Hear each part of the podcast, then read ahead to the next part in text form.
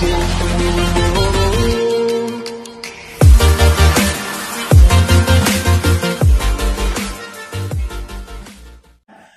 lagi bersama kami di Beyond Education Podcast. Podcastnya yang selalu memotivasi, yang mengajarkan tentang parenting, dan juga satu lagi adalah yang paling penting nih, yang terkait masalah coaching. Oke, bersama Pak Doni. Halo semuanya, Gimana Pak Doni? Alhamdulillah sehat. Mas Agung Alhamdulillah sehat sih. sehat. Tadi Bapak lihat demo, Pak, lihat demo. Demo, iya demo di TV ya. Iya. Nah, tapi ya gimana ya nonton demo itu bukan jadi kesenangan juga sih ya buat saya melihat orang-orang susah gitu. Iya, iya. Kok bisa kayak gitu ya, Pak? Kok bisa jadi apakah eh, demo itu salah satu opsi terakhir gitu kan dari dari setiap orang untuk mengekspresikan eh, keluhannya gitu atau bagaimana ya? Ya biasanya sih ya begitu kalau kita nggak didengar gitu ya. Hmm. kita tidak diajak untuk berdiskusi secara baik-baik. Hmm. Langkah terakhir ya biasanya kita melakukan tindakan-tindakan yang apa ya, yang di luar kenormalan lah. Hmm. Kalau menurut saya sih demo itu udah di luar kenormalan. Hmm. Masa sih manusia itu tidak dapat menyelesaikan masalah itu dengan baik misalnya Iya, dengan dengan, bertatap muka hmm, langsung dengan diskusi. berdiskusi Iya. bermusyawarah Betul, betul. ya tapi kalau sudah sampai demo berarti memang sudah di luar kewajaran Hmm. nah Tapi anak-anak memang saya salah tuh tadi ada ada anak STM tuh. oh anak STM ikut ikutan Oh, itu anak STM nomor satu, Pak. Kalau Iya. misalnya demo-demo, wah mereka terus lagi pandemik ini mereka cuma di rumah doang bosen kali ya di pelampiasan kali polisi tuh ya. polisi di pelampiasan anak STM kali ya. Nah, jadi terkait masalah anak-anak nih Pak, kan anak-anak itu Mm-mm. uh, bisa katakan sih, bisa dikatakan sih yang ikut demo itu kadang-kadang ya dia memiliki jiwa yang memang benar-benar sudah apa ya, ibarat kata mah dia sudah bisa memutuskan suatu tindakan atau ikut-ikutan doang sih Pak ya. Iya. Rata-rata sih banyak kayak gitu. Nah, kekhawatiran itu memang terjadi di pihak sekolahnya gitu kan Mm-mm. dari pihak sekolahnya secara tidak langsung kan akan terlibat juga dengan hal itu anak-anak STM pada demo dan lain-lain. Nah, Mm-mm. sebenarnya ketika pihak sekolah itu eh, apa menanamkan sikap-sikap baik kepada anak gitu kan, Mm-mm. Eh, otomatis kan kalau anak STM kan kita terlihat dengan sangat ini ya dia tuh sangat bisa diajarkan untuk eh, melakukan hal sesuatunya itu dengan sendiri gitu. Mm-mm. Mm, jadi mereka tuh emang dididik keras gitu kan untuk menjadi siswa yang mandiri Mm-mm. siswa mandiri dan kondisinya anak-anak STM ini memang eh, kemandiriannya kadang sudah terlihat gitu kadang juga anak-anak STM ini memang eh, kemandirian beda lah dengan anak SMA gitu ya. Yang masih misalnya masih nggak bisa apa-apa tapi anak STM kadang dia udah eh, lagi STM pun dia sudah bekerja gitu. Kadang oprek-oprek apa pun bisa sendiri gitu kan. Nah nah kalau misalnya yang dimaksud dengan sifat mandiri ini pak yang terpenting di mandirinya nih pak. Hmm. bagaimana sih pak cara menanamkan sifat mandiri gitu kepada anak-anak biar anak-anak itu tidak tergantung atau misalnya dia itu bisa melakukan semuanya hal-hal sendiri gitu. dengan baik tapi apa ya? Mm-mm. tidak seperti anak STM yang sekarang. Yang yang diceritakan gitu kan dia mah kemandiriannya dipakai untuk eh, apa? Perang gitu. Iya anarkis dan lain gitu kan. Keman, dia benar mandiri bisa melakukan hal sendiri gitu kan. Dan dia melakukan tapi ke arah negatif gitu. Nah, bagaimana Iya. kita memupuk anak-anak itu generasi-generasi sebelum menjadi anak STM atau generasi anak-anak agar kemandiriannya itu ke arah positif gitu Ya benar. Jadi memang penanaman sikap mandiri Hmm. itu harus dimulai dari usia sedini mungkin, Hmm. ya dari usia anak-anak. Hmm. Karena kalau sampai kita terlambat untuk menanamkan sikap mandiri ini akan sulit. Apalagi kalau anak sudah menjelang dewasanya. Hmm. Ya. Karena menanamkan sikap mandiri itu seperti kita mengulangi kebiasaan-kebiasaan ya yang positif Hmm. ya Iya. misalnya anak dari kecil nih Hmm. harus belajar misalnya eh, ketika dia mendapatkan PR atau dia mendapatkan tugas dari sekolah Hmm. Itu harus dikerjakan secara mandiri. Ya, mandiri itu berarti sendiri gitu kan ya. Ah, Nah. nah itu harus dibiasakan Hmm. oleh orang tuanya. Hmm. Ya. Nah, kamu kalau ada PR atau tugas dari sekolah, ya, kamu malamnya itu harus mulai kamu kerjakan. Hmm. Ya. Nah, itu harus orang tua kontrol. Pastikan bahwa anak melakukannya. Jadi sikap mandiri itu tidak bisa datang tiba-tiba tanpa adanya sebab. Hmm. Ya. Di sini peran orang tua itu harus memastikan bahwa perilaku mandiri itu dilakukan oleh anak. Iya. Ya. Hmm. Kalau tidak dilakukan oleh anak, orang tua di sini wajib menjadi uh, salah satu pendorongnya Hmm. ya untuk dilakukan. Ya. Di sinilah peran orang tua yang sangat signifikan agar penanaman sikap mandiri ini dilakukan Hmm. dari sejak anak-anak. Oh, gitu. iya. Berarti anak-anak SM juga menanamkan sikap mandiri untuk demo. Nah itu beda kalau menurut saya yang kejadian saat ini ini ya bisa dibilang berbau-bau politik ya. Iya, iya. Nah, saya juga nggak menyetujui sih dengan melakukan demo Hmm. karena kalau kita melakukan demo biasanya kecenderungannya jadi anarkis Betul. ya ada aja orang yang akan dirugikan Hmm. ya kita akan merugikan apa namanya para pejalan kaki misalnya ya Hmm. Kita merugikan orang yang memakai kendaraan uh, umum misalnya Iya betul. Ah. Macet gitu pak. uh, jadi macet gitu Hmm. Nah, akhirnya kan mengganggu semuanya Iya. ya Hmm. nah seharusnya memang di sini pemerintah harus membuka keran komunikasi Hmm. ya. Jadi jangan sampai rakyat ingin berkomunikasi dengan pemerintah Susah. tapi disulit-sulitkan gitu. Hmm. Nah, akhirnya jatuhnya ya begini gitu. Iya. iya. Nah kembali ke mandiri pak. Eh, kondisinya kalau anak-anak misalnya contoh nih, Hmm. ingin dibiasakan untuk mandiri kan pak ya Hmm. niatnya contoh. Tapi ada anak itu yang cepat mandiri, ada yang tidak. Nah, kadang kan ada anak itu yang sekal ya misalnya contoh eh, pergi pipis sendiri lah. Ya, ya pergi pipis sendiri ada yang memang dia itu punya rasa yang eh, apa berani atau misalnya mandiri sendiri ya dia pipis pipis sendiri ada yang harus perlu diantar-antar nah bagaimana itu pak misalnya apa yang Hmm. mempengaruhi itu ini. Agung membicarakan anak yang berada di dalam satu lingkungan keluarga atau lingkungan keluarga yang berbeda, sama misalnya. Yang sama. yang sama. Kakaknya dulu sama adiknya. Kakaknya Ah. belum mandiri mandiri adiknya udah misalnya kayak gitu.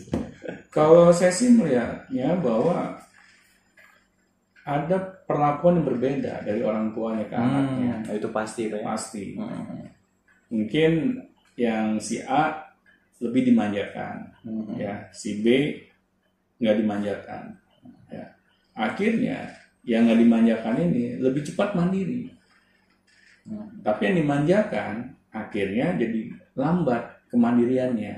hmm. Nah, padahal anak itu harus ditreatment secara sama. Tidak boleh berbeda. Kita tidak boleh misalnya menganaktirikan anak. iya kan antara adik kakak misalnya tuh Iya, Nah, benar. Hmm. Kita harus sama. Jangan misalnya kakaknya harus mandiri. Hmm. Adiknya mentang-mentang anak paling bungsu Hmm. boleh melakukan hal-hal yang seenaknya gitu. Akhirnya orang tua malah mematikan kemandirian adiknya. Hmm. Apakah orang tua siap gitu? Hmm. Adiknya sampai dia dewasa sulit menjadi orang yang mandiri. Hmm. Ya, karena memang orang yang mandiri itu bukan terjadi tiba-tiba gitu. Iya, harus dari kecil. ya. Ah, tapi itu dipupuk Mhm. dari usia anak-anak.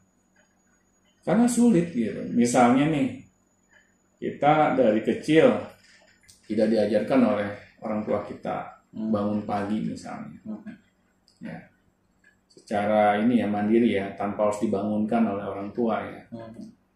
akhirnya ya sampai dewasa dia akan kesulitan bangun pagi ya, seharusnya orang tua mengajarkan nak uh, penting loh bangun pagi. Ya karena dengan kita bangun pagi kita dapat menghirup udara yang segar. Hmm. ya kita dapat beribadah juga kepada Tuhan ya. Kita akan lebih dekat gitu kepada Tuhan. Ya terus kita ajarkan misalnya memasang alarm. Hmm. ya nanti alarm kamu bunyi ya kamu langsung bangun ya jangan alarm bunyi kamu matikan lagi terus kamu tidur ya. Nah ajarkan cara bagaimana untuk mandiri. Hmm. karena anak ini belum punya database-nya. Beda kita sebagai orang tua yang sudah memiliki database. Hmm.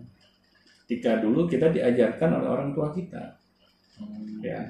Nah di sini orang tua harus mau mengajari bagaimana sih caranya bersikap mandiri Hmm, berarti konsep antara kadang kan orang-orang tua tuh memiliki konsep tersendiri ya. Jadi kakaknya itu harus mandiri, adanya nggak usah. nah itu konsep yang salah Iya, berarti dua-duanya harus diajarkan mandiri ya, Pak ya. Harus, Oh, harus. Iya, Karena- betul, betul.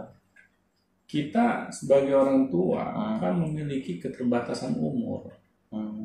ya kalau kita dipanggil duluan nih dibandingkan anak kita ya oleh Tuhan nanti yang dapat mengajarkan anak kita mandiri siapa lagi kalau orang tuanya sudah tidak ada lagi di dunia gitu Hmm. Nah, apakah kita siap meninggalkan anak-anak yang lemah ya karena anak yang tidak mandiri pasti menjadi anak yang lemah karena dia akan ketergantungan Hmm. dengan orang lain Betul. Nah, kondisinya kalau misalnya anak itu memang eh, dari dulunya ya, Pak. Hmm. anak itu kan ada aja tuh misalnya contoh mah saya ingin eh, apa berangkat sendiri aja ke sekolah gitu ya Hmm. tapi kata mamanya eh nggak boleh nggak boleh nggak boleh Hmm. nggak boleh nggak boleh nggak boleh kamu harus naik motor atau naik mobil nah dengan kondisi seperti itu anak-anak malah orang tua itu mematikan kemandiriannya dia ya gitu ya apa gimana pak kondisinya ya itu bisa mematikan bisa tidak Mhm. Bisa mematikan kalau memang anak itu mau pergi ke sekolah. Mhm. misalnya ada yang namanya bis sekolah. Mhm. ya. Dan itu aman iya. buat si anak. Mhm. ya sudah seharusnya orang tua memberikan izin. Kan sudah ada alat transportasinya. Bis sekolah. Dan bis sekolah itu juga aman selama perjalanan menuju ke sekolah. Apalagi yang harus kita khawatirkan. Mhm. Kecuali tidak ada bis sekolah anak harus apa namanya uh, sampai berulang kali naik uh, transportasi gitu Mhm. nah kalau seperti itu mungkin orang tua ada kekhawatiran iya apakah aman nanti di jalan Mhm. Ya. Kalau misal orang tua merasa itu tidak aman, ya orang tua boleh menegur anak. Ya, misalnya orang tua memberikan alternatif alat transportasi yang lain. Hmm, karena itu tidak aman gitu Ya, kalau yang dipilih anak itu tidak aman misalnya. Hmm. Nah, itu tidak apa-apa. Oh, berarti kemandirian juga harus dievaluasi lagi ya Pak ya? Iya, jadi kita melatih kemandirian itu harus pakai strategi. Hmm. Jangan kita asal ya memandirikan anak Hmm. tanpa kita melihat tumbuh kembangnya. Ya, Bagaimana tuh pacarnya Pak? Ya kita bisa lihat dari usianya si anak. Hmm. Misalnya anak SD, dia harus ke sekolah dan ke sekolahnya itu jarak waktunya misalnya lama. Disuruh sendiri. Ah, disuruh su- sendiri. Dia harus berganti-ganti misalnya alat transportasi. Iya iya. Ya, kan kasihan si anak itu juga. Ya. Kalau nanti kenapa-kenapa di jalan, bagaimana? Jadi kita harus ukur gitu. Hmm. Kita harus ukur sikap kemandirian seperti apa yang kita ingin berikan kepada anak sesuai dengan usianya. Ya jadi diperhatikan juga itu Itu ya. harus diperhatikan juga. Nah, karena menanamkan sikap mandiri ini itu bertahap sesuai dengan tumbuh kembangnya anak. Hmm. Ya. Jadi jangan sampai kita menyamakan kakaknya yang tingkat SMA dengan adiknya tingkat SD gitu. ya, itu pastinya konyol gitu. Karena dari usia jarak usianya sudah sangat jauh. Hmm. Ya. Oh, jadi ya harus ada umurnya dan ininya ya harus ada indikatornya. Nah, kalau misalnya gini Pak, eh, lang- misalnya tolak ukur anak-anak eh, seumuran SD gitu, dari umur 1 sampai berapa tahun? 9 tahun ya? Umur berapa? 7. SD itu ya? 7 dong. Iya, iya, sampai 7 7 ya. tahun sampai 12 tahun. 12 tahun itu kira-kira yang dikatakan mandiri itu untuk anak-anak yang seumuran seperti itu apa Pak yang bisa mereka lakukan? Ya misalnya mereka setelah makan cuci piring, Hmm. ya cuci piring mereka sendiri, Hmm. ya itu diajarkan. Hmm. Ya, atau minimal mengangkat piring bekas makannya itu ke dapur. Oh, Ya. Jadi hal-hal yang mudah mereka lakukan dulu. Hmm. Ya, terus ajarkan anak misalnya sudah mandi Hmm. sendiri udah dari SD ya. Ah, ah. SMP baru. jangan kalau SMA gitu ya. mandi masih ditemenin waduh kacau gitu Iya, kadang ada sih gitu. Ya jadi hal-hal yang simple dulu. Daily gitu ya, seperti ya daily. activity dulu gitu. Jadi anak juga apa namanya tidak harus berpikir keras gitu Hmm. sebelum dia melakukannya. Nah, nah, itu makanya harus disesuaikan dengan usianya tumbuh kembangnya. Hmm. ya. Kalau anak belum paham ya ajarkan contohkan. Ya. karena anak ini butuh sekali wawasan gitu Iya, masih masih butuh banyak Ah. penjelasan gitu ya. kalau bukan kita sebagai orang tuanya siapa lagi masa kita bergantung itu anak bisa mandi sendiri kalau sekolah sudah mengajarkan misalnya Ya. nah itu berarti kita sama aja sebagai orang tua tidak mau berperan dalam tumbuh kembangnya anak kita Oh, iya benar-benar. Berarti ada kasus seperti ini Pak. Jadi dia tuh eh, umurnya sih sudah kepala dua misalnya, Hmm, tapi kemandiriannya tuh nggak ada. contohnya Contoh, misalnya udah kepala dua, eh, dia masih harus eh, ketika misalnya ingin eh, bepergian atau apa gitu, dia harus masih diantar-antar gitu. oh oke Nah, Ya, terus ya, ya. dia tidak bisa apa? Tidak bisa misalnya harus bukan pulang ke rumah lebih tepatnya sih nggak mau gitu misalnya kalau di rumah lama-lama kalau di luar rumah lama-lama tuh nggak mau gitu karena kan Nggak repot nyaman, nggak gitu. nyaman gitu nyamannya dengan kondisi rumah yang sudah disediakan dan lain-lain itu kan ada aja tuh pak yang Hmm. kasus yang kayak gitu tuh bagaimana pak itu akibat apa sih pak bisa kayak gitu ya pastinya cara didik orang tuanya Hmm. uh, kepada anaknya yang membuat anak seperti itu Hmm. anak tidak diberikan kepercayaan Hmm. ya padahal usia anak tersebut itu seharusnya sudah bisa diberikan kepercayaan Oh. ya apalagi udah kepala dua ya Hmm. nah, seharusnya orang tua lebih memberikan kepercayaan kepada anak biarkan anak itu mengalami suka dukanya di dalam perjalanan seperti apa Hmm. ya malah kalau saya pribadi dari SMP saya sudah naik kendaraan umum ya. Itu diberikan kepercayaan oleh orang tua saya. Saya ngerasain dulu SMP di Palak ya. Terus ngerasain waktu SMP kehujanan di tengah jalan ya. Iya. itu saya rasakan dan saya mendapatkan banyak ini ya pembelajaran di situ. Ya saya akhirnya menjadi berani gitu. Wah kalau gue dipalak nih gue harus sikat ke orang gitu akhirnya saya berani melawan Oh. ah, Hmm. karena saya udah bosan nih dipalak terus gue harus harus melawan nih gitu kan Habis banget. Ah, karena nggak ada orang tua saya di situ gitu kan. Iya, iya, Nah, apalagi dulu saya sekolah di daerah Blok M ya. Hmm. Waduh, daerah Blok M zaman saya ah, sekolah dulu itu bisa dibilang tempat yang rawan gitu. Hmm. Ya, banyak pemalakan, banyak orang-orang yang tawuran di situ. Nah, bayangin saya usia-usia segitu harus naik bis orang tua saya tidak mengantarkan gitu Wah, dari kecil. dari kecil.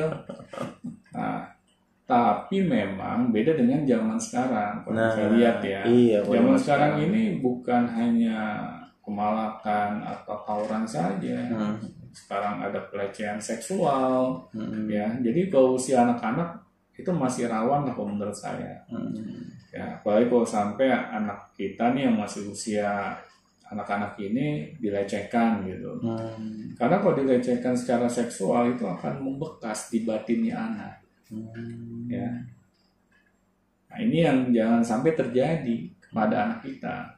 Ya, Iya. makanya kita lihat dulu usia anak kita nih. Beda gitu zaman dulu saya sekolah sama zaman sekarang gitu. Ya, Jadi jangan sampai orang tua mentang-mentang ingin mengajarkan kemandirian ke anak, kita tidak melihat situasi dan kondisinya. Hmm. Dulu ayah sama bunda ke sekolah dari SMP naik bis, Hmm. ya, nggak pernah ngeluh, Iya, ya. dibanding-bandingkan. Ah, kamu juga harus sama. Waduh, kita lihat dulu situasi dan kondisi saat ini seperti apa. Aman nggak buat anak kita? Ya, kita tidak bisa gitu mengajarkan kemandirian yang sama persis seperti ketika kita diajarkan oleh orang tua kita dulunya.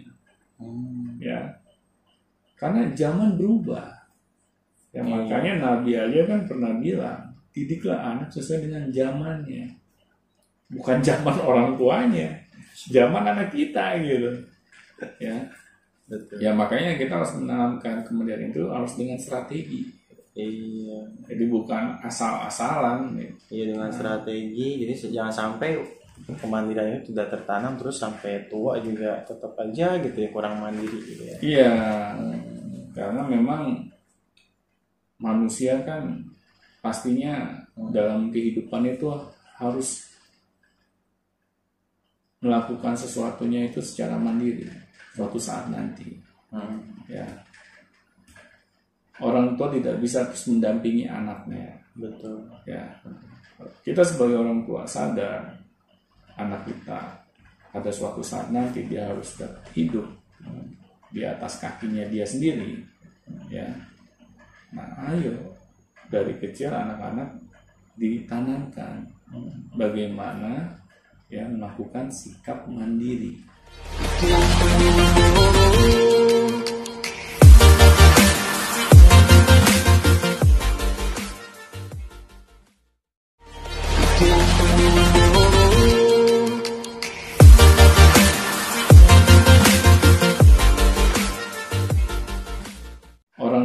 bisa terus mendampingi anaknya. Betul. ya. Kita sebagai orang tua sadar anak kita pada suatu saat nanti dia harus hidup di atas kakinya dia sendiri. Ya. Nah ayo dari kecil anak-anak ditanamkan bagaimana ya melakukan sikap mandiri. Iya. Jadi nah kalau misalnya anak ini misalnya menolak untuk mandiri pak, Hmm, menolak untuk mandiri dalam artian dia ketika diajarkan segalanya nggak mau misalnya contoh makan sendiri ah nggak mau pengen suapin. Wah, apakah kita sebagai orang tua harus agak tegas sedikit pak atau gimana pak? Kalau saya sih melihatnya kalau sampai anak melakukan hal itu hmm, hmm, hmm. ada yang dia contoh. Oh. Ya. Maksudnya role model yang lain atau dia bagaimana oh Ya. temennya gitu. Bisa jadi ya mohon maaf ya. Kalau anak ini belum sekolah ya belum Eh, ada yang oh dicontoh iya. di luar gitu. Hmm, ya mungkin neneknya hmm, ya ah, yang senang menyuapkan anak kita.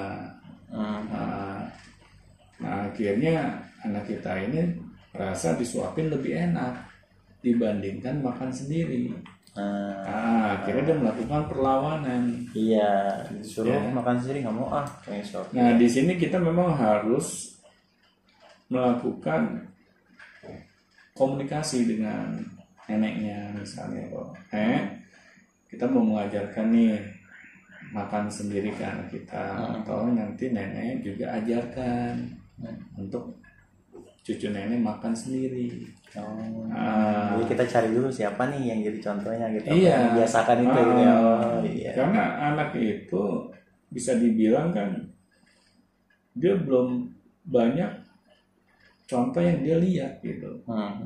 ya kalau ada hal yang negatif yang anak kita lakukan Hmm. kita harus cepat cari tahu ya siapa nih ya mohon maaf ya. Hmm. biang keroknya gitu. Ya. Iya, iya. nah setelah kita tahu langsung preventif cegah. Hmm. ya agar itu tidak menjadi kebiasaan. Jangan kita salahkan anak kita. Oh, jadi Ah, ketika- secara iya, tanpa iya. kita telaah dulu langsung kita kamu nih emang anak manja gitu. Hmm. ya. Makan sendiri aja sulit. Nah, itu akhirnya kan anak malah kita doain gitu. Supaya jadi anak manja supaya sulit makan. Ya itu ucapan dari orang tuanya sendiri loh. Iya, betul. seperti itu kan. Hmm. nah seharusnya kan jangan. Ya. Hmm. kalau anak tiba-tiba memiliki perilaku seperti itu Hmm. saya dia nggak mau makan sendiri. Kenapa nak? Hmm. tanya aja. Ya. Ada apa? Kok biasanya kan kok makan sendiri tanya biar kita dengar langsung jawabannya dari mulut anak kita Oh, gitu. Nah, jangan langsung dijudge Hmm. Nah, Jadi ternyata lingkungan sekitar juga mempengaruhi kemandirian anak ya. Oh pasti Kayak misalnya contoh nih contoh. Ada anak yang nonton apa film serem tuh hmm. terus akhirnya nggak mau apa yang mau ke WC sendiri ya Ya, itu terjadi sama anak saya juga Nah, jadi memang kita harus melakukan apa mengkondusifkan ya mengkondusifkan dengan sekondusif mungkin untuk mendidik anak kita itu agar agar mandiri gitu pak ya. iya ya misalnya anak suka nonton yang serem-serem Nah. ya akibat orang tuanya juga misalnya Iya, itu bagaimana Nah, cara aj- ini kan? ajarkan ke anak bahwa itu hanya film, Hmm, hanya fantasi, hmm, bukan hal yang nyata. Ini hanya hiburan, ya, agar anak bisa membedakan mana yang nyata, mana yang hiburan. Ya, betul. akhirnya anak paham bahwa ketakutan saya untuk ke kamar mandi sendiri itu nggak beralasan. Hmm, Ya. Nah itu harus kita jelaskan, apalagi orang tuanya hobi nonton film horor. Iya. ya kayak saya ya. saya senang nonton film horor jujur aja tapi saya bilang ke anak saya ini hanya film nah Hmm, awal-awalnya anak saya takut memang ke kamar mandi sendiri hmm. tapi terus saya kasih motivasi Oh. supaya dia berani Iya, gitu. harus dimotivasi, Iya, gitu ya. karena saya Oh. menyadari ini kesalahan saya juga sering Hmm. ngajak dia nonton film horor gitu nah, Iya, iya. tapi saya bilang film horor itu hanya film hanya fantasi ya Iya. Nah, bukan hal yang harus kamu takuti. Hmm. Ya. Dulu kalau anak saya ini uh, masuk ke kamar yang gelap, dia rada takut. Hmm. Saya ajarkan, nak, kamu harus berani. Yuk masuk ke kamar ini sama ayah gitu misalnya. Hmm. Nah, coba kamu lihat kan ada apa-apa, ya tinggal nyalain aja lampunya. Nah, jadi terang tuh. Ya, ajarkan ke anak-anak gitu. Agar anak-anak itu paham bahwa hal-hal yang mereka takuti itu Hmm. hanya ada di pikiran mereka saja. Nah, Oh, jadi iya, jadi ada hal-hal yang menghambat mereka untuk jadi mandiri pun bisa kita selesaikan, Pak ya. bisa, Oh, jadi bisa. iya kayak bisa kayak ketakutan, terus pengennya di ini apa terus. Terus ternyata kalau kita sebagai orang tua ingin belajar gitu ya, ingin perhatikan anak secara serius itu bisa diatasi semuanya ya. Bisa, Oh, bisa. Kadang kan kalau orang-orang tuh ya enaknya sih nuduh anak.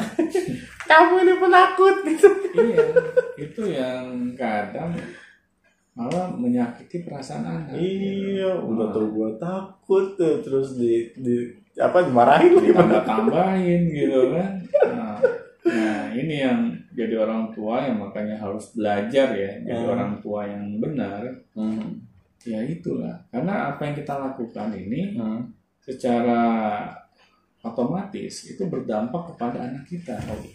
Betul. Ya, ya seperti di podcast-podcast sebelumnya, Hmm. orang tua itu memiliki ikatan batin yang kuat dengan anaknya. Karena bayangkan anak itu lahir dari rahim orang tuanya. Hmm. ya Jadi jangan salahkan anak gitu. Kalau Iya. misalnya anak nakut, anak nggak mandiri, itu juga hasil dari cara didik kita sebagai orang tua. Iya. Nah, Pak, selanjutnya ini agak tinggi, agak sedikit tinggi sih, Pak. Dengan Terkait ketinggian terjatuh. ini ada ada yang ada yang jadi nggak satu. Nah, jadi ini agak sedikit ini sedikit agak terkait masalah mandirinya finansial. Mandiri finansial. Nah, Oke, contohnya ya, nah, apa? contohnya misalnya jadi anak-anak itu kan eh, kita kan sebagai orang tua ter- terkadang nih, terkadang Hmm. ketika melihat anak itu pengennya itu ngejajanin gitu. Anak kita pengen jajan. Ah, enggak apa tua. kita orang tuanya pengen ngayomin gitu. Ah, jajanin anaknya. anak. Ah. sampai pada suatu saat mungkin dia sudah besar, orang tuanya nggak sadar bahwa anaknya tuh ternyata belum bisa mandiri secara finansial. Karena anaknya belum bekerja. Ya, terus-terusan minta sama orang tua gitu. Ya itu karena memang anak Hmm. dari kecil tidak pernah diajarkan. Nah, bagaimana Pak Ya. biar biar apa tips-tipsnya atau cara-caranya agar anak itu bisa sesegera mungkin finansialnya mandiri atau apa yang harus kita lakukan nih dari kecil kepada anak ya, itu? Nah, dari kecil pertama Hmm. ajarkan anak itu untuk menghargai uang. nah kan kadang ada anak yang nggak tahu uang. Ajarkan. Nah, ajarkan misalnya saudara, nilai-nilai ah, Hmm. mata uang gitu. Misalnya ini uang 100 perak, 200 perak, Hmm. 500 perak, 1000 perak ya. Terus 50 ribu perak, 100 ribu perak, ajarkan anak biar tahu gitu. Hmm. nilai uang itu seperti apa. Nah, terus ajarkan anak untuk mengelolanya. Nah, nah, ini sebagian untuk kamu tabung, ya. Sebagian lagi boleh kamu jajanin. Terus kalau kamu pengen beli sesuatu, ya hasil dari tabungan kamu. Nah, kamu tabung dulu sampai mencukupi. Itu di umur berapa Pak bisa begitu? Saya sama anak saya dari SD SD kelas kelas satu. satu ya? Iya. Saya kasih nih uang jajan ke anak saya. Ah. udah mulai dia harus pisahkan. Oh, jadi Ah. mengelola itu harus diajarkan di kelas satu. Iya, ya? jadi ketika dia menuntut sesuatu, Hmm. dia nggak menuntut lagi ke orang tuanya. Hmm. Dia bongkar tabungannya. Hmm. Ya, kayak kemarin dia beli HP tuh, Hmm. ya. Dia sebagian besar uangnya dia. Hmm. Saya hanya nambahin sedikit. Iya. Ah, karena saya ingin anak saya ini harus belajar mandiri. Kalau anak dibiasakan mengelola keuangannya dengan baik dari kecil, Hmm. dia akan menghargai uang. Hmm. Dia tahu bahwa uang itu tidak boleh dihambur-hamburkan untuk hal yang nggak bermanfaat. Hmm. Sampai anak saya saya ajarkan untuk mau bersedekah. Harus ada yang kamu sisihkan, ya, untuk kamu sedekahkan. Hmm. Karena ini penting, karena ini ajaran agama. Ya. Nah, jadi dia mulai tuh memisah-misahkan. Mana yang Oh. buat dia tabung, mana yang buat dia sedekahkan. Oh, tapi kita terus kontrol ke orang tua. Kontrol. Oh. Kita harus kontrol keseharian anak kita. Hmm. Ya, makanya kewajiban kita sebagai orang tua itu juga menemani anak kita. Hmm. Jangan anak kita kita titipkan sama orang lain gitu dan berharap orang lain mengajarkan hal-hal seperti ini. Iya. Ya, ini sama aja gitu. Kita apa namanya eh, ingin orang lain menyelesaikan masalah hidup kita. Hmm. Apakah mungkin bisa? Iya. Ya. Betul. Orang lain udah sibuk dengan masalahnya, Tambah lagi. ditambah lagi dengan masalah kita ya even dia saudara kita loh Iya. belum tentu mau menyelesaikan masalah kehidupan kita Betul. ya Kita harus apalagi orang lain bertanggung jawab atas kehidupan kita sendiri ya ya? iya benar sedangkan anak ini kan tanggung jawab kita sebagai orang tua Hmm. Kita yang harus mau mengajarkannya Iya, detil, detil- kadang detil-detil kayak nabung kayak gitu-gitu memang jarang diajarkan oleh eh nenek kita atau siapa pun gitu ya. Jadi yang mengajarkan tuh pasti orang tua harusnya kan. iya kalau saya alhamdulillah dulu diajarkan sama orang tua saya Hmm. sampai saya punya buku tabungan Oh iya tuh, aku juga seneng tuh. Ah. Nambah-nambah terus kan Iya. seribu, nambah seribu. Iya, saya diajarin sama orang tua saya Oh, makanya gitu. Alhamdulillah saya bukan termasuk orang yang boros Hmm. Nah, kalau saya malah boros, tapi boros dalam hal sedekah misalnya itu nggak apa-apa. Hmm. Nah, tapi kalau boros untuk Jajan. uh, keperluan pribadi Makan, gitu, misalnya. padahal itu bukan hal yang dibutuhkan gitu Hmm. hanya untuk mengejar keinginan semata Iya. nah itu harus kita bisa manage gitu Hmm. Nah, Nah terkait misalnya ada nggak terkait sini emang contohnya ada anak yang Hmm. boros pak. Yang boros. hal apa nih Misalnya dia masih SMP atau masih SD lah ya, tapi dia itu eh, menggunakan uangnya itu atau misalnya ingin menggunakan uangnya itu memang eh, apa ya maksudnya tidak berfaedah gitu. Kayak misalnya beli-beli mainan ya.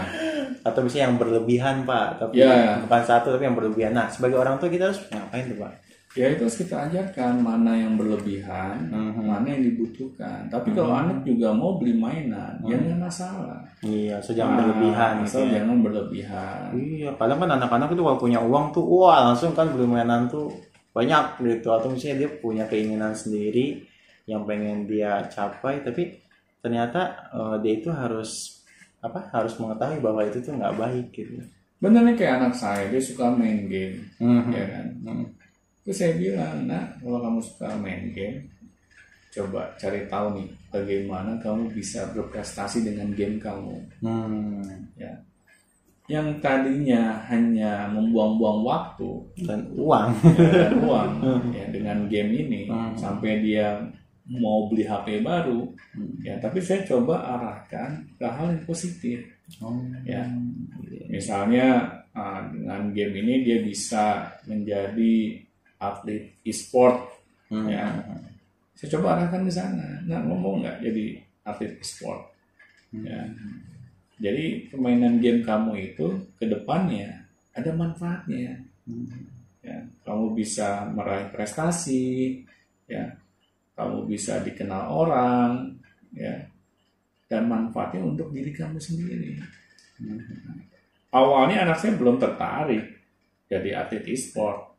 Enggak ya. Cuman ini aja kok hobi aja. Iya senang gitu. Nah, tapi terus saya kasih tahu, saya ingatkan, akhirnya apa? Ya kayaknya adik mau jadi atlet e-sport deh, ya kan?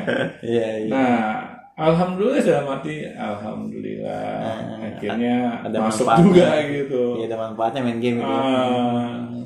Nah, jadi kita harus cari celah nih, bagaimana ah, apa yang anak kita lakukan ini dapat memberikan manfaat Hmm. ah, aktivitasnya gitu. Iya, jadi tidak hanya sekedar menghambur-hamburkan aja gitu. Iya. Kita harus arahkan agar itu tertarik dengan kebermanfaatan gitu Pak. ya. Benar, Oh. karena kalau tidak ada manfaatnya, Iya betul betul. nah, pastinya itu akan merugikan. Iya, kayak misalnya beli kaset PS tuh kan, banyak tuh Hmm. kaset PS tuh kan. Eh, ada yang 150 ribu, 150 ribu itu kan karena hobi itu dia Hmm. beli beli terus kan. Tapi kalau misalnya main PS-nya sambil direkam masukin ke YouTube kan bisa jadi Iya, tutorial benar, gitu itu, gitu itu kan. ya. bagus itu. Hmm. Itu kan anak jadi tumbuh sisi kreativitasnya gitu, Hmm. dan itu kan menghasilkan. Iya betul. Ya, jadi maksud saya jangan sampai nih setiap anak kita ingin melakukan sesuatu, terus kita cegah sebagai orang tua, Hmm. ya, Hmm. karena kita melihat itu nggak ada sisi manfaatnya. Iya. Jangan terlalu cepat kita mengambil keputusan Hmm. seperti itu. Tapi kita cari tahu nih dari aktivitas anak kita yang dia Jadi sukai kemarin ini, itu ya, apa? kita cari sisi manfaatnya yang mana nih, Hmm. ya, dan arahkan perlahan anak ke situ. Hmm. Ya, siapa tahu anak yang mungkin saat ini dia belum suka awalnya, Hmm. akhirnya anak kita istiqomah gitu kan, Iya. untuk mencari nilai manfaatnya, Hmm. anak itu terpengaruhi tapi terpengaruhi ke hal yang positif bukan hal yang negatif Gitu. Iya ya. Kebanyakan orang tua kan menjudge bahwa game itu jelek. Wah, gitu kan ya. nah kan seperti itu kan jadi kayak misalnya akhirnya anak- anak-anak Hmm. diam-diam main game iya daripada kayak Hmm, gitu kan. karena apa-apa nggak boleh kayak Hmm. gitu Oke, berarti sisi mandirinya itu bisa kita sisipkan kebermanfaatan tujuan dari kegiatan dia gitu kan. iya benar karena game ini kan bisa dibilang sesuai dengan zamannya si anak gitu Hmm. ya Kita nggak Ya. bisa ini nggak bisa larang-larang Iya, banyak. kita nggak bisa apa namanya anak itu tidak dapat apa namanya masuk ke dalam zamannya gitu. Hmm. Kita nggak bisa mencegah ini gitu. Hmm. Ya, kita hanya bisa beradaptasi dengan zaman. Hmm. Zaman nggak bisa kita lawan, pasti akan berubah terus. Iya. Ya. Nah, di sinilah orang tua harus bisa beradaptasi dengan zamannya anak kita. Jangan zamannya anak kita, ya kita halang-halangi dan anak kita harus masuk ke zaman kita. Yang dulu misalnya belum ada PUBG gitu. Ya, zaman saya kan nggak ada PUBG, sekarang ada. Ya, terus kita larang karena dulu ayah nggak pernah main PUBG. Aku juga nggak boleh main PUBG, ya kan? Nah itu kan, aduh, Itu sama aja kita ingin melakukan peperangan dengan anak kita gitu. Iya. ya kita harus menyesuaikan Pak ya. Nah ini yang terkait mandirinya finansial Pak. Hmm. Nah umur berapakah kita harus mengajarkan anak kita untuk mencari uang Mencari Nah, uang, atau menghasilkan? menghasilkan uang. Ya, ini kayak contohnya anak saya ya. Dia ingin apa namanya menjadi youtuber juga. Ya. Saya bilang bahwa dari permainan game kamu ini bisa menghasilkan loh Oh. secara finansial. Jadi tidak menutup kemungkinan dari kecil ya Pak ya? Iya. Oh, iya. Kita rangsang Benar-benar. dia Kreativitasnya. Nah, kreativitasnya untuk misalnya mencari uang, Hmm. tapi dengan hal yang dia sukai, yang dia bisa pahami gitu. Hmm. Jadi anak merasa apa ya namanya? Oh ternyata dari apa yang gue lakukan yang yang gue senangi ini, ternyata bisa menghasilkan loh. Nah itu jangan kita halangi. Iya. Ya anak memang kenapa sih dia mulai belajar mencari uang dari usia anak-anak? Emang salah?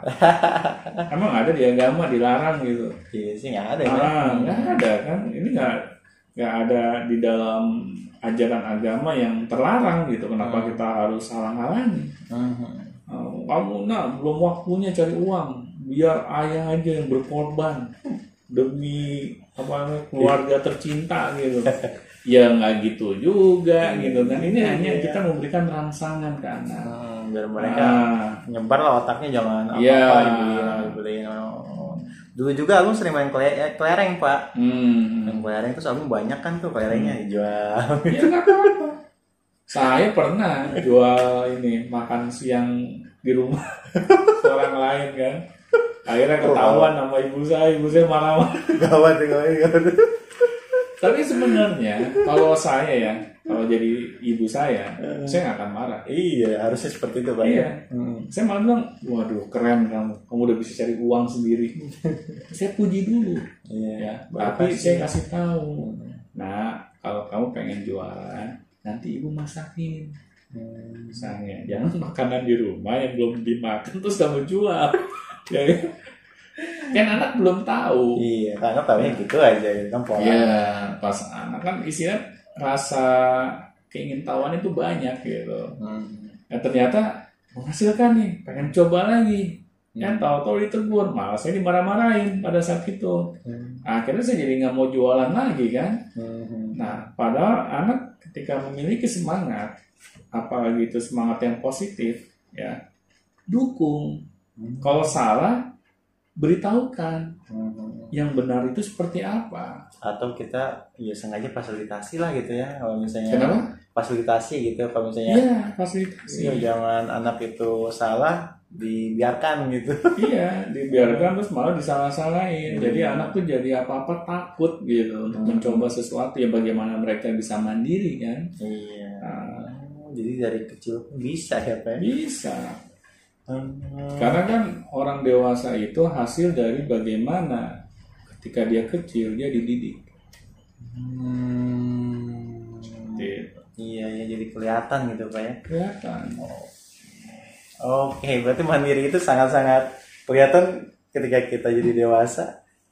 Seperti apa kita dulunya? iya benar. Ah. Ya kalau misalnya terlalu ini terlalu itu kelihatan apa jadi diri diri kita sekarang itu menggambarkan bagaimana didikan orang tua kita dulu gitu. benar pasti. Nah, baik baik baik. Terima kasih Pak Doni ya.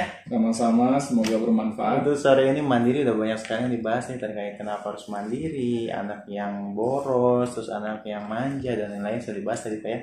Ya sama teman-teman kalau misalnya ada hal yang ingin ditanyakan Hmm. atau ada hal yang ingin dibahas bisa tolong isi komen ya. ya komen di bawah ini ya Ah, teman-teman komen di bawahnya. oke Nah, siapa tahu dengan hal-hal yang teman-teman apa namanya rasakan, khawatirkan ini bisa jadi bahan buat kita gitu Oh, untuk di podcast selanjutnya. Baik Pak Doni, siap. Oke, baik. Terima kasih semuanya. Kembali lagi bersama Beyond Education di segmen selanjutnya. Sampai jumpa. Sampai jumpa semua.